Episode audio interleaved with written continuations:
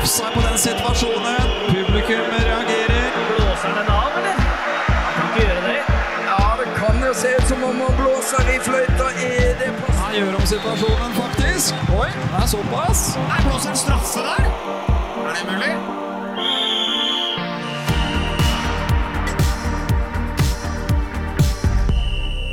Ord som sportsvasking, korrupsjon og brudd på menneskerettighetene har de siste årene blitt nesten like vanlig som offside, corner og mål. Hvor er egentlig Fifa og fotballen på vei? Hvem bestemmer det, og hvor mye bryr vi oss egentlig? Jeg heter Gro Tvedt Andersen, og du hører på Avblåst. Med oss i studio har vi fotballpresident Lise Klaveness, sportskommentator i TV 2, Mina Finstad Berg, og sportsblogger og mann bak idrettspolitikk.no, Andreas Seljos. Velkommen til dere. Det har vært mange kontroversielle mesterskap de siste årene. Både Brasil-OL, Russland-VM, OL i Beijing, OL i Sotsji var kontroversielle på sine vis. Mina, hva sier det om utviklingen av internasjonal idrett? Det tegner jo et ganske dystert bilde, egentlig, av eh, det tiåret vi har lagt bak oss. Eh, Jeg og Andreas var på en konferanse i Danmark før sommeren, hvor man snakka om at vi har lagt bak oss liksom et tiår med sportsvaskernes megaevent, hvor det har hatt veldig, veldig mange mesterskap i autoritære regimer og i eh, land med store sosiale utfordringer og store politiske utfordringer. Eh, Og det, og det at de har kommet så tett, gjør jo at det føles veldig massivt. Eh, Men jeg tror også at det er veldig mange som har på en måte sett at her var det et vindu, og at det gjaldt å smi mens jernet var varmt, for å komme seg med på den bølgen. Eh, Men det, at, det er jo ikke et nytt fenomen at idretten og fotballen brukes politisk. Det har på en måte skjedd eh, i 100 år. Vi har mange eksempler på det. altså VM i Argentina, eh, Italia for så vidt, OL i, Berlin på 30-tallet. Så det er ikke et nytt fenomen, men omfanget av det har økt ganske voldsomt de siste åra. Spesielt med da Gulfens inntog i idrettens verden. Med eh, Vladimir Putins behov for å bygge en ny russisk identitet og nasjonalfølelse, og ikke minst eh, lage et litt sånn oss mot de-fiendebilde. Og med Kinas behov for å markere seg på, på verdensscenen og for å kontrollere egen befolkning. Ja, det er jo et ganske dystert bilde du tegner opp, og som du selv sier, det har vært sports, sportsvaskernes eh, tiår for megaeventer. Lise, likevel så har det vært mer støy rundt Qatar-VM enn noen av de andre mesterskapene, eh, som ble nevnt innledningsvis. Hva tror du er grunnen til det? Altså, det er jo øh, kanskje det mest kontroversielle VM i historien. Det er alltid øh, farlig å sammenligne, og så vil noen si at det var et annet, kanskje. Men, men det er ingen tvil om at her er det veldig mange dimensjoner som treffer. Uh, Russland var selvfølgelig like ille sett fra et uh, diktatorståsted verre. Eh, og så Kina-OL og så videre. Men her eh, ble det tildelt et mesterskap uten, til et land uten fotballkultur. Eh, så selve, og, og, og på korrupt grunnlag, og med en risiko som er helt uforsvarlig for menneskeliv. for åpenbare HMS-brudd, og for at vi vil trampe på de menneskene som skal gjøre det mulig for oss å ha mesterskap. Så samlet sett så ble selve tildelingen et overgrep i seg sjøl mot fotballen. Eh, det kan vi ikke si at tildelingen til Russland er. Vi kan, vi kan ikke komme i en posisjon der eh, det at eh, store land, som, og små land for den del, men, men fotballaktører som, som har vært med lenge, eh, i seg sjøl ikke skal få lov å holde, avholde mesterskap eller få lov å arrangere fotballkamper. Eh, det er fotballens grunnidé. Eh, Men her hoppet man over ganske mange ledd. Det var en korrupt tildeling, og, og jeg tror at det var mange eh, parametere som møttes da og lagde en ganske sånn eh, giftig cocktail, og det ble for mye for mange. Selv, eh, selv eh, fotballsupporterne sjøl, som har en tendens til å være ganske tilgivende, for de elsker jo sporten. Eh, Og etter hvert òg aktører inne i fotballbevegelsen, og det er jo ikke så ofte skjer. Qatar-VM kan jo sies å ha blitt ganske kontroversielt, Andreas. Hva gjør det med omdømmet til internasjonal fotball?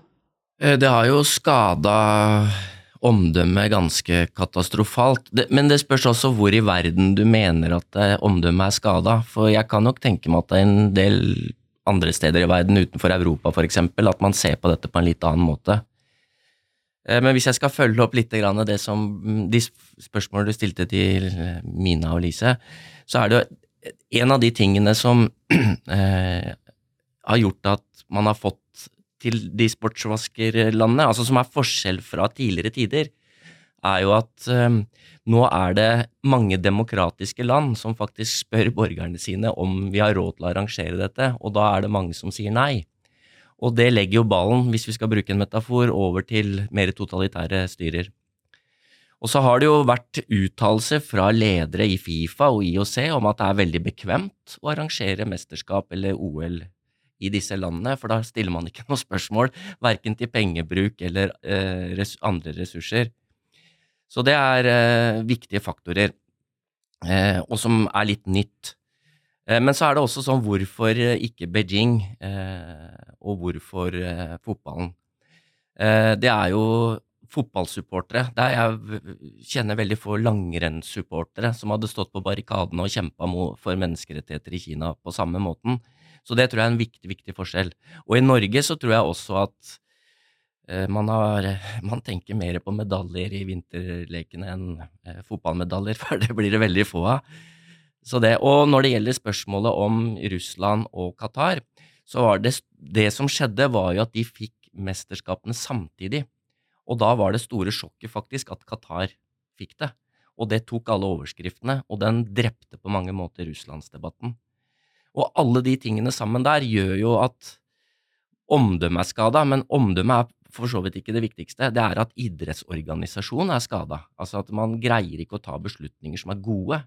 Og jeg tror det er det som er den store utfordringa framover. Mina, du er jo både fotballekspert og sportskommentator for TV 2, men du gikk til ledelsen og sa at du ikke ønsket å dekke det sportslige under Qatar-VM. Hvorfor ikke det? Det er egentlig et veldig naturlig valg for meg. Jeg har jo brukt det siste tiåret på å kritisere Qatar-VM, og har jo planer om å fortsette med det når det sparkes i, i, gang på søndag. Og så er jeg såpass heldig at jeg er både sportskommentator og fotballekspert, som gjør at jeg har jo mandat til å dekke idrettspolitikk. Både nasjonalt og internasjonalt. Og jeg føler jo at det, det trengs mer enn noen gang i det mesterskapet her, da. Og har vært veldig klar på at det er det jeg har lyst til å bidra med. Og, og det er det jeg mener at bør være min rolle i det mesterskapet.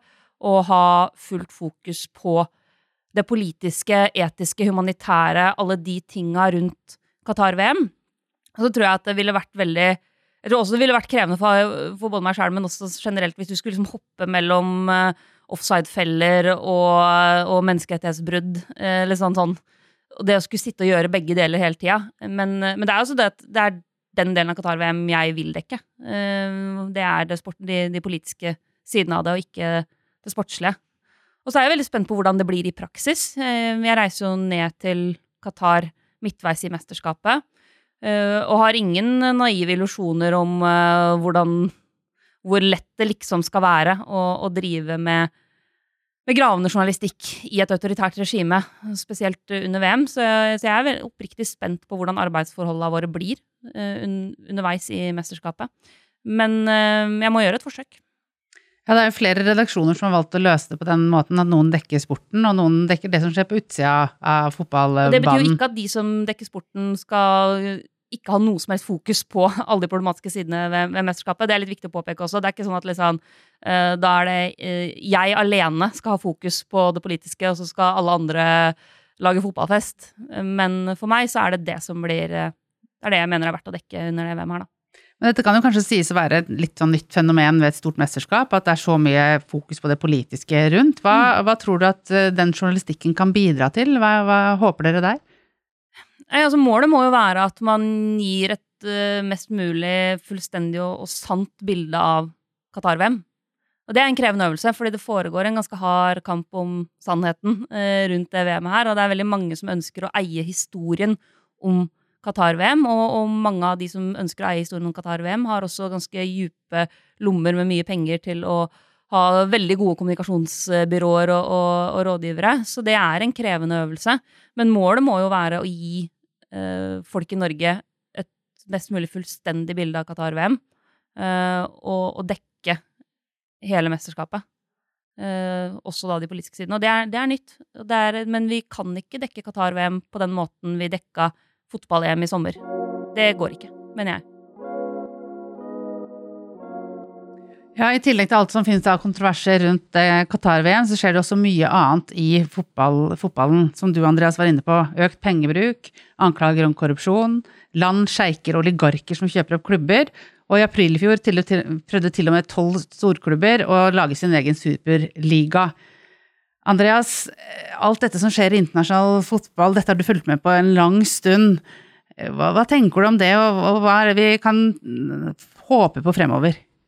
Nei, altså, Det er jo penga som rår. Det er jo eh, konklusjonen på alt det du sier der. Eh, og at pengene dominerer mer og mer. Eh, men så er det også Det er ikke bare penger, det er hvem er det som eier pengene også. Som, eh, hvem er det som kommer inn og investerer. Hvis du tar på Fifa-nivå, altså på det nasjonale internasjonale nivået mm, når det gjelder landslag, så er det jo så har jo Fifa og presidenten har jo samarbeida med Saudi-Arabia for å etablere en ny global Nations League. Eh, en større klubb World Cup. Eh, og da er det jo ikke bare spørsmål om nye turneringer og inntjening, men det er jo spørsmål om hvem som eier de turneringene. Når du tenker på Superligaen, så er det jo rike klubber i Eller de kaller seg rike, i hvert fall. Klubber i Europa som har lyst til å tjene mer penger og som har veldig høy gjeld fordi de har brukt mer penger enn de har hatt. Og som da utfordrer ikke bare vårt syn på kommersialisering, men også vårt syn på hvordan fotball skal spilles. Altså skal det gå an for en hvilken som helst klubb i Europa til å kvalifisere seg til den beste klubbturneringa, f.eks. Det er det vi sitter og diskuterer om når vi snakker om Superligaen. Eh, og da utfordrer vi jo vår måte å tenke fotball på. Den, altså opprykk og nedrykk, poeng, eh, hvem eier idretten, rett og slett. Og det er penga som rår. Så det er liksom Og det innledningsspørsmålet var liksom hva, hva er framtida? Altså hvis dette her dundrer på, så er fotballen ødelagt av flere grunner. Det ene er at eh, drømmene til mange små unger blir borte, fordi at du kan ikke gå fra en liten klubb og åpne en stor. Men det andre er jo at hvis f.eks. Saudi-Arabia eller Qatar eller eh, Aserbajdsjan eller Russland, hvis de ikke er interessert i sport lenger og går over til noe annet, opera eksempel, eller kultur, så faller jo idretten sammen. Altså, det er ikke noe mer igjen. Den er ødelagt. Alle vil ha gjeld, eller eh, systemet er helt ødelagt. Så det er det vi må Hvis vi er glad i idretten, da, fotball, så dreier det seg ikke bare om man ser på TV eller ikke under VM, men det er at man faktisk bryr seg om fotballen og prøver å eh, hva skal jeg si, motvirke de sterke, sterke kommersielle kreftene, også fra autoritære land. Lise, du har jo vært fotballpresident i litt over et halvt år. Hvordan er det å sitte og følge med på de tingene som skjer her? Det er jo en del av eh, jobben eh, Nå, er jobben brei, det er en brei eh, portefølje. Det er jo forening og forvaltning og forretning og konkurranse. Og, altså det, det Jobben i seg sjøl er spesiell. Og og jeg det er programforpliktet til å si, selvfølgelig, men jeg elsker alle deler av den. Jeg mener at det er fotballens store kraft, og det som gjør at vi alle er her, det er at du har det spennet fra grasrot til forretning og det kommersielle. Så det, det at fotball genererer penger og på en måte er arbeidsplass for så mange mennesker, det er jo en, en Ellers hadde ikke han vært så global. Så, så, så jeg må si at eh, det å følge med på og være redd for at noe helt sånn grunnleggende blir ødelagt, og det å avveie om det blir det, og ikke overdramatisere og prøve å ha en objektiv inngang, innhente innsikt så, så godt vi kan og engasjere oss i det, er, er, vanskelig, men veldig motiverende, på en måte. Det, det er jo noe vi er opptatt av. Eh, men som vi må rigge oss for. Vi har, eh, vi har jo vært på den internasjonale scenen i mange komiteer og utvalg, og der har Norges Fotballforbund vært lenge, og ikke minst under Per Ravn Omdal sin ledelse, men òg etter det, så klart. Men det er et nytt ballgame, dette her. og eh, så det er krevende, men veldig motiverende, i den forstand at ikke at det er gøy, det er absolutt ikke gøy, men vi bekymrer oss veldig. Og ja, så hvordan det er å lede det i den tiden, det er veldig motiverende. Det er vanskelig.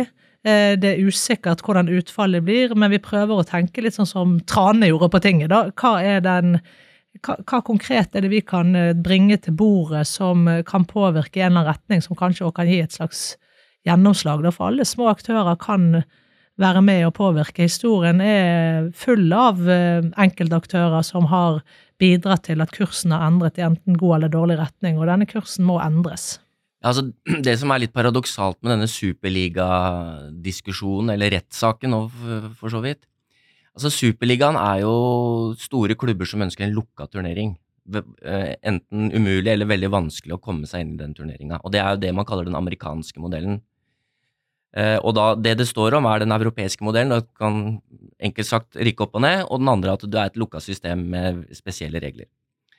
Men hvis, hvis vi mener at f.eks. Uefa er korrupt, hvis det er det, eh, det er kanskje ikke så ille som Fifa, at, eller at Fifa er helt bak mål, for å bruke en eh, fotballmetafor der også, så er det jo sånn at hvis denne superligarettssaken ender med at Superligaen vinner, så er jo det en diskusjon også om hvem som har monopol på idretten, og da er det monopolet brutt opp. Og teorien da, så kan man jo da etablere en alternativ fotballorganisasjon med de gode verdiene. Jeg vet ikke om det skjer, men den diskusjonen mener jeg faktisk bør komme, for hvis det ikke går an å løse problemene nå, Uefa er ikke det store problemet akkurat her. Hvis det ikke går an å løse problemene internt i Fifa, eksempel, så må man faktisk diskutere om det er en alternativ organisasjon vi må eh, innføre. Ja, Lise, finnes det noen lyspunkter her, tenker du? Ja, altså all, demokrati, all dynamikk er jo en eller annen bevegelse. sant? Og nå, nå, nå er vi i en brytningstid, det har vært et vanskelig tiår, men vi vet, vi vet jo at på papiret var uansett hvordan man ser på det, på papiret var Fifa mye verre før. Eh, og så, så kampen om sannheten er òg at ikke vi må tåle å stå i kompleksitet i denne saken. Eh, regelsettet i Fifa er eh, reformert i veldig stor grad. Så nå er tildeling gått fra noe som presidenten sitter og styrer ganske mye, i, i, på, på papiret. Man kan si i praksis så styrer han det faktisk veldig mye fortsatt. Men til, til, og til en komité, fra en komité som styrte det, til at det er en demokratisk prosess der alle land skal stemme etter en mye grundigere risikovurdering. Og det vil skape en hel dynami, en ny dynamikk og en mulighet for mange andre dumme ting. Eh, for det er et, et demokrati der ett land én stemme, og alle stemmer åpne, skaper òg veldig mye politikk. Hvem var det du stemte på, osv. Men det er jo vår plikt nå å prøve å være med og endre det, og medienes plikt til å være med, og ikke nå. Når jeg får spørsmål nå, skal vi boikotte Saudi-Arabia om ti år, da blir jeg matt. For det, vi er jo, nå vet vi at vi er en del av en demokratisk prosess der vi må engasjere oss fram til det eventuelt da har jo det skjedd etter en eller annen avstemming. Eh, Så, så selvfølgelig vil jo alltid et land kunne trekke seg fra noe, men et mål kan jo ikke være å først være med på en demokratisk prosess, og så taper du ikke får det som du vil, og så skal du drive og trekke deg ut. Så, så nå, nå har vi mulighet, vi er nødt til å ha en slags optimisme i at uh, små uh, aktører kan påvirke dette. For ja, penger rår, men det er mange andre ting som påvirker forfengelige ledere enn en, en bare penger. Penger er sterkt. Men det er andre ting, og det er ekstern press, f.eks. Opinion påvirker ledere. Når det gjelder det å starte en ekstern organisasjon, det kan man gjøre når som helst. Hvem som helst kan starte en organisasjon.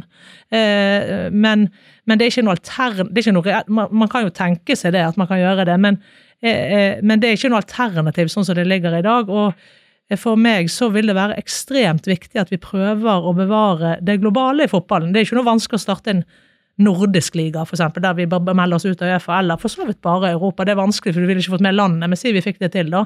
Men det har jo en ekstrem verdi å ha være en organisasjon som samarbeider med Afrika, Asia og USA. Eh, Syns jeg personlig. Det, det, det er jo en ekstrem verdi og en ekstrem risiko, selvfølgelig. Men, men, men eh, vi går jo inn i dette her, Norge må gå inn i dette her eh, med et, et eh, ganske sånn tydelig demokratisk mandat. Da. At vi nå, ok, nå er vi med i et demokrati, vi skal prøve å påvirke det uten å være naiv.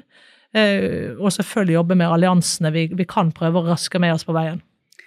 Mina Lise sier at det er nå vi har muligheten, men at media også må være på.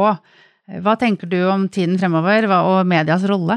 Jeg tror at eh, de fleste nå har skjønt at man må være mye tidligere på de prosessene her. Eh, Jeg tror i den grad man kan si at liksom Qatar-VM kan føre til noe som helst positivt, så er det jo at eh, man har blitt mye mer oppmerksomme på disse dynamikkene. Og jeg tror at det vil være vanskeligere for Saudi-Arabia å gjøre det som Qatar gjorde, nemlig å gå helt under radaren omtrent. Det var jo veldig veldig få som hadde noe som helst trua på dem da de eh, lanserte seg som kandidat for å, å få VM. Eh, da de fikk det, så ble det en kjempeoverraskelse for alle. Alle ble tatt på senga, inkludert Sepp Blatter, for han ville jo ha det i USA.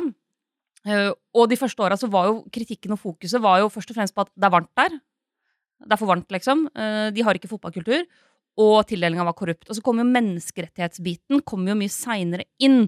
Den luksusen, for å kalle det da, eh, vil ikke Saudi-Arabia ha nå, tror jeg. Jeg tror også idrettens håndtering av Russland etter at Putin invaderte Ukraina, har også endra spillereglene litt. Jeg er usikker på om det har vært like lett for Saudi-Arabia å kjøpe Newcastle hvis de hadde prøvd det etter at Abramovic eksempel ble tvunget til å selge Chelsea, og etter at man eh, kast, sanksjonerte eh, Russland som idrettsnasjon såpass sterkt. Jeg, jeg, er usikker på om det hadde gått like glatt gjennom for eh, Saudi-Arabia, det oppkjøpet av Newcastle, hvis det hadde kommet noen måneder seinere. Så hvis jeg skal tillate meg å ha litt håp, så tror jeg jo at flere vil være på ballen tidligere hvis det blir noe særlig bevegelse bak en sånn Saudi-Arabia, Egypt, eh, og at det, det å belyse prosessen før tildelinga må jo være målet. ikke sant? Fordi når tildelinga har skjedd, så er du egentlig allerede for seint ute. Så det å være i forkant der, det tror jeg man er bedre rusta for nå, fordi man har veldig dyrekjøpt erfaring fra hvordan store deler av internasjonal presse har håndtert Qatar-VM. Så finnes det unntak. Det finnes folk som var på ballen tidligere, og som har fulgt de prosessene tettere. Men det betyr f.eks. at flere i norsk eh, sportspresse må være på Fifa- og Uefa-kongressene. Og ikke bare når vi vet at uh, norske fotballpresidenten skal opp på talerstolen, men også ellers. Og en del sånne ting tror jeg vi har lært nå. Ja, og når det gjelder Fifa og kongress, så tenkte vi skulle ta en tur nedom til eh, Fifa-kongressen i Doha. Dear President, dear Congress, ladies and gentlemen, all football friends. As a young girl, I took my football everywhere, also to bed every night, escaping the fear of not fitting in. I no longer take the ball with me everywhere, but my dreams are still about football. Football where boys and girls, all colors, straights and queers, everyone is treated with equal respect and recognition. I fear our stadiums will be empty in the future if we overlook the urgency of the current moment.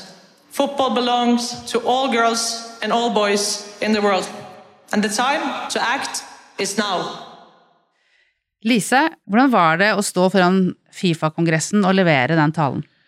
Eh, nei, det, var, det, er mye å si om det, og det var spesielle dager. Andreas var jo der eh, med oss. Eh, men nå når VM begynner, så, så, er det viktig for meg å si at det viktigste her er, er saken. Det, det, man kan skrive bøker og mange ting i, i alt dette.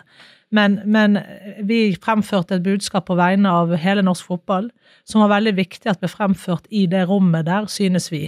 Og det, det i seg sjøl er et tema. Eh, er det et riktig verktøy? Vil det virke en ting er at andre kan synes det er befriende at vi gjør det, og at det er bra, og sånn, men, men vil det virke kontraproduktivt i det politiske miljøet eh, internt der? Og Det spørs jo hva du vil. og Hvis vi ønsker å ta posisjoner der, så vil det kunne virke kontraproduktivt, men for oss var det likevel en nødvendig plattform å stå på. Vi er valgt, jeg er valgt av norsk fotball, og norsk fotball hadde gitt en veldig tydelig stemme. Så var jeg i tillegg eh, veldig bekymret for hva vei dette skal ta, hvor skal dette ende? For det har blitt en veldig sånn pragmatisme og don't, don't uh, talk about politics, talk about football, og det betyr liksom hele veien at gjort er gjort, nå ser vi videre. Så for meg var det en frustrerende setting å være i som toppfotballsjef før. Jeg jo, hadde jo bare vært president i tre uker da. Så, så, samlet sett, så selv om det er masse å si om ubehag og alt dette her, og hvor vanskelig ytringsfrihet kan være noen ganger, så var det først og fremst en følelse av eh, at eh, vi må prøve å, videreføre den bølgen som har vært i Norge, til, til flere land. Selvfølgelig finnes den i andre land, den finnes i England, den finnes på, på, på, bakken i grasroten i flere land, men den finnes overhodet ikke i de politiske miljøene. Og den må komme inn der for at vi skal få endring. Sånn er det bare. Eh, og ergo så, så til tross for alle konsekvenser, så føltes det først og fremst riktig. Andreas, du var til stede i salen. Hvordan var det å være der? Ja, Mina også var jo der, men jeg var litt nærmere. Jeg ble jaga bort fordi vi lagde en dokumentarfilm, så jeg prøvde å stå så nærme som mulig. Så jeg var vel fem-sju meter unna når du starta, og så var jeg litt lenger unna når du var ferdig. Eh, men det var veldig spennende, og det var eh, helt unikt. Snakka med mange kollegaer etterpå, blant annet Martin Ziegler i The Times, som har vært på alle kongressene siden 1997 eller noen sånne ting, og han han sa jo at dette var eh, hadde ikke skjedd før på samme måte. Det er vel Karen Espelund er vel forrige som sa fra på en sånn stor kongress. Så det var veldig spesielt. Og jeg tror at lærdommen fra Norge er jo at det går an å engasjere seg på grasrotnivå i Norge og få en stemme internasjonalt. For det var jo det som skjedde. Altså opprør i Norge, boikottdebatt eh, osv. Det gjorde jo at det åpna seg et, både et vindu, men også et engasjement som gjør det. Om det har, har gjennomslagskraft eller ikke, det er jo noe annet, men vi må jo starte med oss sjæl, da. Det er det ene. Men så har jeg lyst til å helle litt grann eh, kaldt vann i årene på den som tror at Saudi-Arabia har dårlige sjanser til å få VM. For jeg mener at de har mer, bedre sjanser nå enn hvis vi hadde hatt en eksekutivkomité på 24 stykker som bestemte. Fordi at da hadde det presset på de vært så stort. Det som skjer nå, er jo at 211 nasjoner, Europa er vel hvor mange land? 40, 50 ca av 211. Og det er jo ikke alle De fleste eh, europeiske land er jo demokratiske og har på en måte et demokratisk sinnelag. Men hvis Saudi-Arabia får hele afrikanske kontinentet og hele asiatiske kontinentet og lover å bygge fotballbaner i alle de landene og oppruste alle anleggene, så tror jeg de har 100 stemmer veldig fort. Eh, så jeg tror det er Så da er det spørsmålet Da er det jo det som eventuelt stopper dem, er jo en sånn due diligence prosess i forkant, at man ikke kommer igjennom eh, til en sånn avstemning. For det er det som er det store spørsmålet. Og det som skjedde når Russland og Qatar fikk VM, var jo at Fifa hadde jo laget egne sånne evalueringsrapporter. Eh, og det var en kjempekamp fra Russland og Qatar om at man ikke skulle rangere alle de kriteriene, for da så man veldig fort hvem som kom i bånn. Så de hadde jo den dårligste evaluering på alt. Russland 2018 og Qatar i 2022.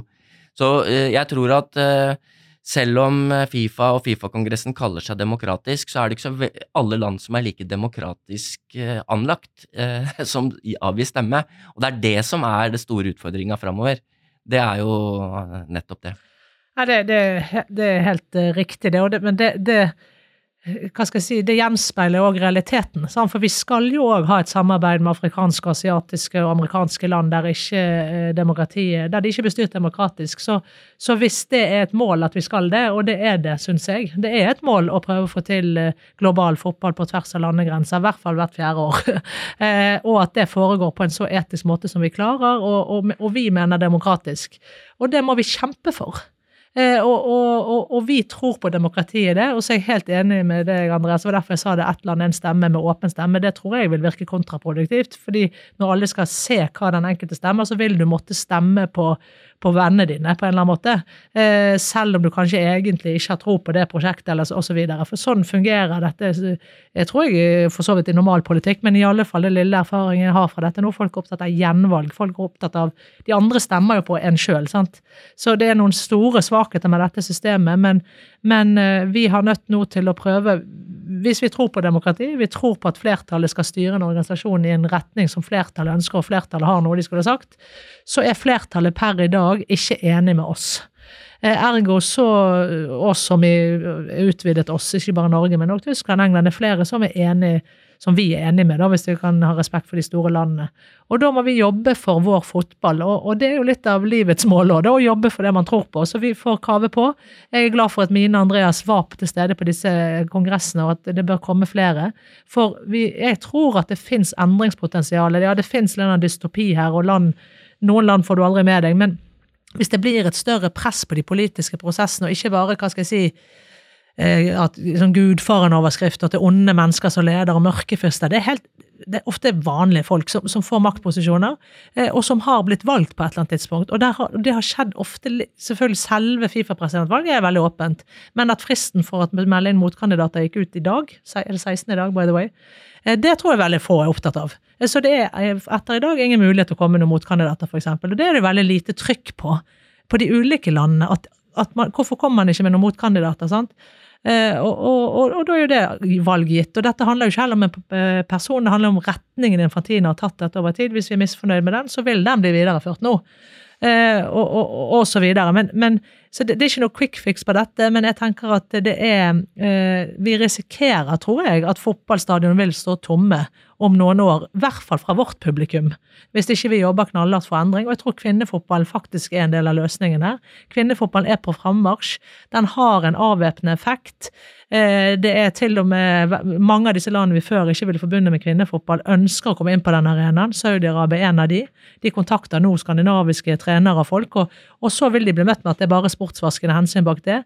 Eh, men samtidig så mener jeg at det er viktig at det er mulig for alle land å komme inn på fotballarenaen, og så må man ha ekstremt kritisk presse som følger med på hva er det egentlig som ligger under. Eh, eh, nå snakker jeg ikke om det, Andreas eller Mina, jeg snakker om hele bevegelsen, og at vi som er valgte ledere inn i dette her, er åpne. Er åpne om hva vi ser, så godt vi kan. Eh, og så, så håper jeg i hvert fall at dette kan få en, en annen kurs, men det skjer ikke av seg sjøl.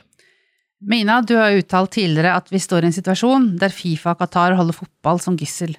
Det er ganske harde ord. Mm. Hva tenker du at vi kan gjøre for å påvirke Fifa de kommende årene? Ja, det er et kjempegodt spørsmål. Og ja, det er harde ord, men det er sånn det føles.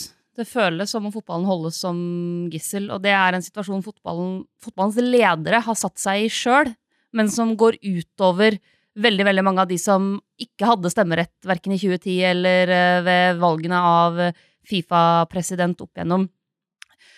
Altså, hvordan, hvordan påvirker Fifa? Eh, jeg mener jo ganske bestemt at man på sikt må klare å bygge en presidentkandidat som kan utfordre Infantino, og som har sjanse til å bli valgt. Det er en vanskelig oppgave, men jeg mener likevel at den må gjøres, og at der bør eh, NFF, og også de man samarbeider godt med av andre fotballforbund, gjøre en, en ordentlig jobb med å prøve å stable på beina eh, noen som kan utfordre Infantino.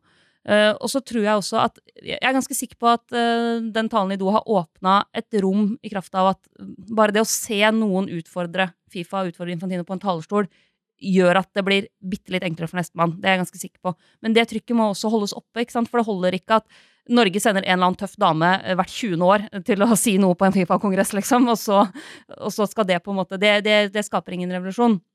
Men det å uh, det å faktisk ta plass i de internasjonale foraene, det å bygge allianser, men også det, altså det å jobbe med Fifas regelverk. ikke sant? Fordi eh, hvis man klarer å skape, skape, regelverk som er såpass strengt at f.eks. Saudi-Arabia kan siles ut før man kommer til voteringa, så vil jo det være en mye, mye lettere enn enn ved en faktisk votering. ikke sant? Og da handler det om ok, men hvilke krav er det vi skal stille. da? Hva er det som skal være ufravikelige krav uh, når man snakker om hvem som skal ha mesterskap. Og så er jeg litt opptatt av at dette handler om mer enn bare VM òg, hvert fjerde år. Det handler om veldig mange andre ting. ikke sant?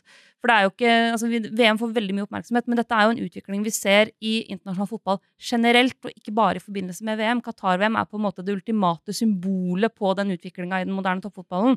Men det er over uh, når vi kommer til julaften, liksom. Og hva da? Hva gjør vi med alle de andre problemene som internasjonal fotball lider av? Jeg mener pengene er en kjempestor del av problemet. Skal man se på uh, ulike eierskapsmodeller uh, som faktisk begrenser, som går inn og styrer at statseid Altså man kan ikke ha statseide klubber. Uh, skal man stille andre typer krav til åpenhet i Fifa? Ja, det bør man selvfølgelig. Altså, jeg har jo levd halve livet mitt i det norske organisasjonslivet.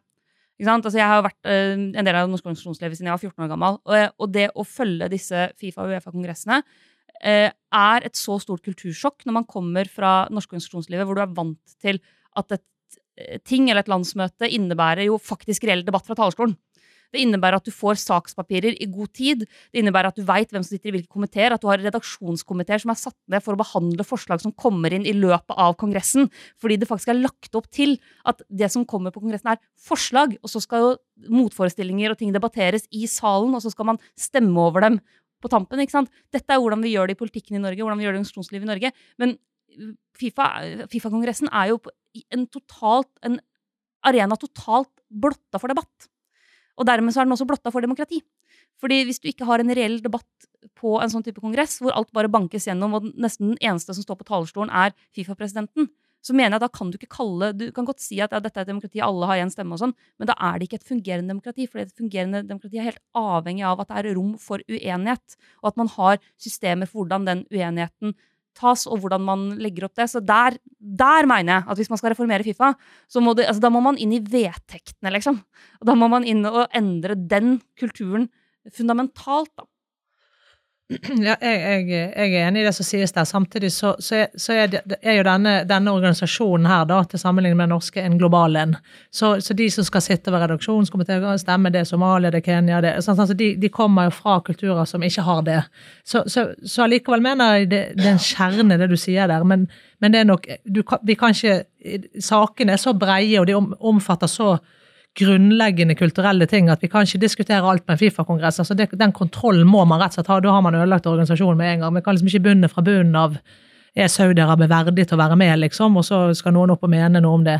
Men man må ramme inn eh, noen av de viktigste tingene og gjøre et forarbeid på det, og så ha en debatt om en eller to viktige saker om kursen eh, fotballen skal ta, og ikke minst presidentkandidat. Hvorfor er det sånn at presidenten bruker administrasjonen til å gjenvelge seg sjøl? Hvorfor bor han i Qatar?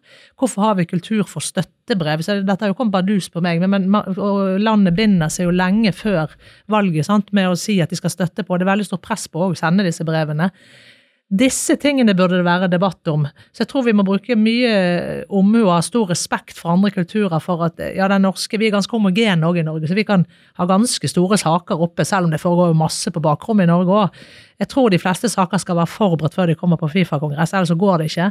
Men at du har noen, som, som Qatar-saken eh, hva mener vi om HMS og krav til altså Fifas ansvar for migrantarbeidere når vi skal ha et mesterskap, f.eks.? Nå ble det veldig tilspisset, for det var i Qatar, men den kunne man hatt for fem år siden i et annet land. Og så diskutert seg inn i dette istedenfor at de ble stevnet, det ble konflikt. Og så, så ja, jeg er 100 enig, og jeg mener det må være vår rolle å finne de uten at vi går inn i det med en vi, vi, kommer jo fra ja. Ja. Altså Jeg mener heller ikke at liksom Fifa-kongressen skal se ut som, som, uh, som, fotballtinget, på en måte. Uh, med folk på Teams fra litt her og der. Det er ikke det jeg mener. Men du må i hvert fall eh, ha noen grunnleggende strukturer som legger til rette for debatt på en Samtaler. kongress. Ja, ja. Og, og, at det f.eks. er mulig å fremme forslag. Og at alle vet hvordan man fremmer forslag. Og så kan man godt ha en frist et halvår i forveien for å fremme forslag sånn at de er godt forberedt og gjennomarbeida og sånn. Men du må i hvert fall ha noen helt grunnleggende demokratiske strukturer på plass. da inn mot f.eks. Fifa-kongressen. Og En del av utfordringen er jo akkurat som du sier der, at man vet ikke helt når det skal være. Det, presidenten bestemmer det når som helst. Det, det er sett fra et hvilket som helst demokratisk ståsted mange ting som er litt sjokkerende som, som, vi kan selvfølgelig ikke bestemme at skal endres framover, men som vi kan få større innsikt i hva er disse svært vanskelige strukturene, og vi kan utfordre de. Og jeg tror faktisk vi har fått mange med på f.eks. det agenda nå til Fifa-sømmet ned til i, i VM. Vi, vi har ennå ikke fått den. Og det, og det, gjør jo at ikke vi, vi klarer ikke å forholde oss demokratisk til det som skal tas opp. Er vi uenige, så, så får vi det kanskje i morgen, da, to dager før vi skal dra. Og det, det går jo an at vi jobber med framover sammen med nordisk og etter hvert sammen med europeiske land. Vi skal snart eh, vende blikket mot Norge og NFS sin rolle, men før vi gjør det, Andreas, er det noen lyspunkter her i det hele tatt? Altså, Jeg er vanskelig for å finne så veldig mange lyspunkter, men det er jo, det er jo noe som kan skje. Jeg er ikke like overraska som Mina over hva som foregår på disse kongressene. Jeg har vært på noen, og når liksom i 2019 Uefa-kongressen var på det eneste hotellet i Roma med trestjerners Michelin-restaurant, så skjønner jeg at man ikke har lyst til å bruke så veldig mye tid på å diskutere. Eh, og neste Fifa-kongress i mars skal være i Kigali i Rwanda, så kan man jo spørre hvorfor akkurat der. Eh, da snakker du om allianser og også forhindre journalister å komme dit, kanskje. Men det er noen, jeg mener det er noen løsninger her, da. Det ene er som eh, Jeg mener at politiet må på banen, da. Et, eh, amerikansk politi har jo vært veldig effektive på å fengsle en del av de som eh, mista sine posisjoner etter raidet på Barolak i Zürich i 2015. Eh, og der har man jo greid å avdekke store ting. Det var det som gjorde at Sepp Latter måtte gå, og at vi har fått Gian Infantino, så kan du spørre hvor vellykka det var. Men så er det, jeg er litt inne på det der, Nå har det vært eh, nevnt mye her som jeg er veldig enig med, men det er et perspektiv som, eh, som Lise var inne på, blant annet, og det er det supporterperspektivet. Og kvinnefotball. Nå har jeg både vært rølpegutt i klanen i mange år og kjenner den, den, eh, den, den, delen der av fotball, men jeg er også veldig involvert i kvinnefotball. Med datter som spiller fotball, vært trener og og jeg var også blant annet på EM-finalen i London i sommer, som var helt fantastisk. Og kvinnesupport... Altså nå har jo supportere i Norge av alle kjønn har jo eh, engasjert seg i boikottdebatten. Men hvis du ser på eh, sammensetningen av supporterne på kvinnefotball, så er det en helt annen supportgjeng. Eh, og det er liksom eh, Jeg har aldri sett maken til, eh, hva skal jeg si, mangfold. Eh, Og hvis det er en supporterskare som vokser fram, så vil de ha mye mer kraft på å presse fram f.eks. menneskerettighetsspørsmål. Altså skeive eller eh, alle andre minoriteter som på mange måter har blitt undertrykt i herrefotballen, da. For eksempel. Og hvis man greier å få fram den, en supporterkultur der, som faktisk er på fotballkamp fordi de syns det er hyggelig, hyggelig å være der og ikke skape konflikt, og også da er de som både stiller spørsmål ved ting som ikke er bra, men også har troverdighet på det, fordi de har kanskje opplevd ting på kroppen sjøl og har endelig funnet et område der det er hyggelig å være på fotballkamp, så mener jeg det er framtida. Så hvis man greier å dyrke fram den supporterkulturen som jeg har sett i- helt, EM-finalen i London var helt utrolig. Det var en, en eh, journalist som sa det første gang han hadde gått fra Wembley uten å ha sett en fyllik ligge og pissa på seg når han var på vei ut, liksom. Altså, det er på det nivået der. Eh, og da i tillegg til å ta det supporterengasjementet som har vært i Norge og en del andre Tyskland, eksempel, er jo Lise nevnte jo at Tyskland er en av de landene som støtter henne og hennes uh, tale og målsetninger. Men det er jo også fordi at supporterne i Tyskland har vært veldig, veldig klare på hva de mener her. Og det er jo et tegn på at supporterne faktisk kan bidra til endring, og bidra på en positiv måte. Altså 100% altså, For det, presidenten der sitter med støtte fra en supporterskare som allerede har dyttet han litt i ryggen på det. sant? Han har push på det. Han var nyvalgt i mars, sånn som jeg òg var. Eh, Og, og, har, og når vi tar ordet der, så setter det et press òg på de som har den dytten i ryggen hjemme. Så jeg mener at det er en 100% årsakssammenheng mellom Tyskland sin Ja, de er konservative, men, men allikevel tydeligere rolle enn veldig mange andre land, og supporteren og eiermodellen i Tyskland. Det, det tror jeg i hvert fall min eh, klare analyse av det. Norge er jo et lite fotballand i internasjonal skala, og helt på slutten så skal vi over på å se på hva kan et lite forbund gjøre i den store internasjonale verden. Hvilken påvirkning tror du, Andreas, at et lite forbund kan ha i den store Fifa, i den store globale fotballen? Nå har vi jo vært inne på at det er en, et land, én stemme, så man har jo ikke mer enn den ene stemmen når det er beslutninger. Men det som har mangla i norsk fotball i mange år, som jeg har vært kritisk til, det gjelder ikke bare i Fotballforbundet, det gjelder eh, Idrettsforbundet òg, for den saks skyld, det er at man ikke har anerkjent eller erkjent at man faktisk må gjøre de kjedelige tinga med å prøve å komme inn i komiteer, sitte på møter, dra rundt. Og da dreier det seg ikke bare om at man har én stemme i komiteer eller være med på beslutninger, men man skjønner hva som skjer. Man får et nettverk, man hører på andre, og det har vært, tror jeg, en total mangelvare. Per Avn Omdal var nevnt her tidligere i sendinga. Han var jo veldig aktiv internasjonalt, og på det tidspunktet han holdt på, så var jo Norge veldig sterke internasjonalt. Engasjerte seg på de store plattformene, var jo liksom helt oppe i toppsjiktet i Uefa. Eh, og også fikk da innflytelse på den måten å kunne være med å sette i gang prosjekter, sette i gang tiltak. Det arbeidet som NFF gjør nå internasjonalt i Midtøsten og andre steder, er jo et resultat av akkurat den eh, troverdigheten og det arbeidet man gjorde der. Så hvis Norge skal ha noe å si, så må man liksom ikke bare dra på den ene kongressen annethvert år, eller de kongressene som er, men faktisk ha en plan for hva man har lyst til å få til internasjonalt, og jobbe veldig aktivt for å få personer inn i sentrale komiteer. Det tror jeg har vært en mangelvare, og hvis man får til det, så har Norge mer enn ett land, én stemme. Ja, Lise, kan du si litt om eh, både det hva, hva, om, om NFF har noen planer om å gjøre de kjedelige tinga, men kanskje også litt om om man har Det er ikke kjedelig altså, i mine øyne, men det har blitt oppfatta som en litt sånn traurig og kjedelig, og uff, må vi på det møtet, Satt liksom. på, satt, på, satt på spissen Ja. der, gjør de kjedelige tinga, men også det som du er inne på, Andreas. Det, og hvis man samarbeider godt med andre forbund, så kan man ha mer enn én stemme. Eh, Lise, kan du si litt om hva gjør NFF her?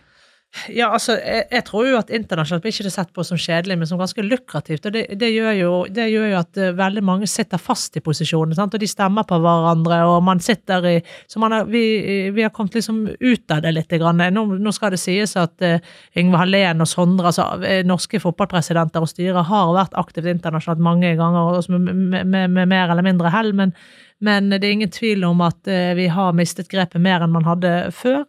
Eh, vi, vi har jo en internasjonal strategi på trappene som ble en del av de 26 tiltakene som medlemmene påla Norges Fotballforbund i, i det ekstraordinære tinget i, i 2020, og som var en erkjennelse styret gjorde under Terje sin ledelse den gang, var at vi må ha en mer strategisk tilnærming til hvor er vi plassert ute i Europa eh, og i verden? Hvilke plasser sitter vi? Skal vi prøve å få president inn i Uefa-styret etter hvert? Eh, enten den norske eller en eller annen fra Norden, og vi har jo to fra Norden ennå.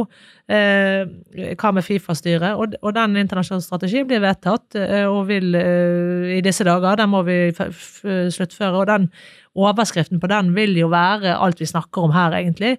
Erkjenne realitetene dette er ikke lett, men Norge skal prøve å gjøre alt for at én pluss én kan bli tre, eh, sånn at vi i hvert fall har en så sterk stemme som vi kan der ute.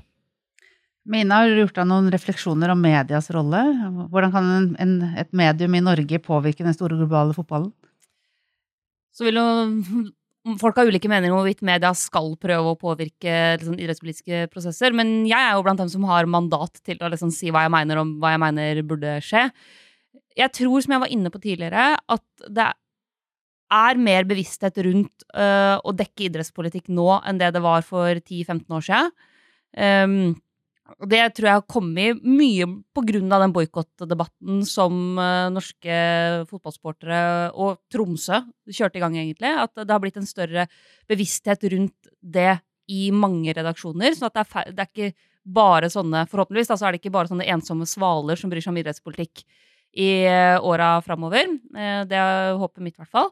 Og det at man som sagt eh, Norske medier må bli flinkere til å forstå hvordan Uefa fungerer, og flinkere til å forstå hvordan Fifa fungerer. Og vite hvor er makta, hvordan er prosessene, når tas avgjørelser. Alle de tinga der. fordi det er helt avgjørende for å kunne dekke det på en god måte. For å kunne drive med den folkeopplysninga som, som, vi tross alt bør drive med. Da, fordi det er jo vårt samfunnsoppdrag. Og den tida hvor måte, sportsjournalister først og fremst skulle skrive kampreferater, den tror jeg er forbi. Uh, og så vil noen fortsatt skrive kampreferater, for det er en del av det, liksom. Men, men jeg tror at vi har fått økt bevissthet rundt det. Um, at det også innebærer å dekke en del av det større idrettspolitiske bildet. Og så tror jeg at både media, men også for så vidt NFF og andre, må tørre å skape dårlig stemning innimellom. Fordi når du begynner å pirke bort i kritikkverdige forhold, så vil det ofte bli dårlig stemning. Og det må man klare å stå i, sjøl om det er ubehagelig. Og det gjelder øh, om norske journalister skal prøve å intervjue Infantino eller VM-sjefen i Qatar øh, eller øh, Uefa-presidenten, og det gjelder eh, norske fotballpresidenten og andre som, som, skal være til stede i de organene. Man må klare å stå i den dårlige stemninga. Vi går snart inn for landing, men avslutningsvis så er det sånn at alle, her er det tre engasjerte mennesker som alle kommer med, følger med på hva som skjer underveis i VM. Lise og eh, Mina, dere skal ned til Qatar, men ingen av dere skal delta på det sportslige. Andreas, du kommer helt sikkert til å følge med, delta i debatter. Og da har jeg bare et spørsmål sånn avslutningsvis. Kommer dere til å se på noen av kampene underveis i mesterskapet? Andreas? Det er, for meg er litt enkelt å svare, så altså er det enkelt å svare på det. Jeg har dekka dette i mange mange år nå, og jeg har jo vært kritisk til absolutt alt og alle, så jeg har jo lyst til å være litt kritisk når dette starter òg. Så jeg kommer til å se litt. Men jeg gleder meg, som fotballsupporter gleder jeg meg null. Nothing. Det er, no, det er sånn, Hvordan er åpningsseremonien? Hvordan er det journalister blir behandla? Vi hadde en episode i går med en dansk journalist som ble forsøkt knust kamera på. Eh, hvordan er det TV 2 og NRK dekker dette? Sånne ting kommer jeg til å følge med på. Og så er det en kamp som jeg skal se på med stor interesse, og det er USA-Iran. For der er det så mange politiske aspekter som også ikke har med Qatar å gjøre. Som eh, annet fordi det foregår en revolusjon i Iran nå, og det tror jeg kommer til å påvirke både den kampen, men også dekningen. Og jeg har sett eh, at uh, media i Qatar har fått streng beskjed om å ikke vise uh, iranske protester, f.eks. Så det er noen politiske aspekter her som det lønner seg å følge med på hvis man både er interessert i idrettspolitikk, men også som journalist. Lise? Ja, jeg skal jo til være i Qatar når åpningskampene. Vi skal jo ikke på stadion og se den, så får vi se om vi finner en skjerm å se den på. Det blir jo stusslig for meg og Karl Petter å sitte og se kampen på TV når vi er der nede. men men eh, vi har jo vedtatt i styret vi, vi, har jo et formelt forhold til det. Jeg er jo ikke en person i, i, i dette. Vi har et formelt forhold til dette. Flertallet hos oss ønsket ikke boikott, så, så, vi boikotter ikke. Samtidig har vi tatt et styrevedtak om at øh, vi ikke skal være til stede på stadion. Og det er fordi det, vi trenger ikke å være det når ikke vi har lag der. Eh, Og da bli sittet og bli tatt bilde av og på en måte bli brukt. Vi har fått en global stemme nå, det vil vi ikke. Men, men min jobb er å følge med på alt som skjer, både fotballen på og utenfor banen. Eh, Så jeg vil helt klart følge med, men det, det er et mesterskap som vi syns er uakseptabelt, med uakseptable konsekvenser. Eh, Og med det bakteppet følger jeg med på VM. Minna. Ja, nei, jeg skal jo blant annet sitte i studio på åpningskampen. Uh, men skal da som sagt ikke gi noen, dere noen inngående kunnskap om det qatarske landslaget. Det er jo Qatar som selvfølgelig har åpningskampen. Så jeg skal, jeg skal se det jeg trenger å se for å kunne dekke uh, alle de politiske og etiske sidene av VM. Uh, det er det korte svaret, liksom. Eh, men jeg, så jeg er egentlig der Andreas er i det. Også på mine egne følelser i det. Men mine egne følelser er ikke egentlig det viktigste. Men eh, jeg også kjenner på at liksom dette, dette er liksom ikke et VM for meg. Og med det så runder vi av denne episoden av Avblåst. Tusen takk, Andreas og Mina, for at dere stilte opp.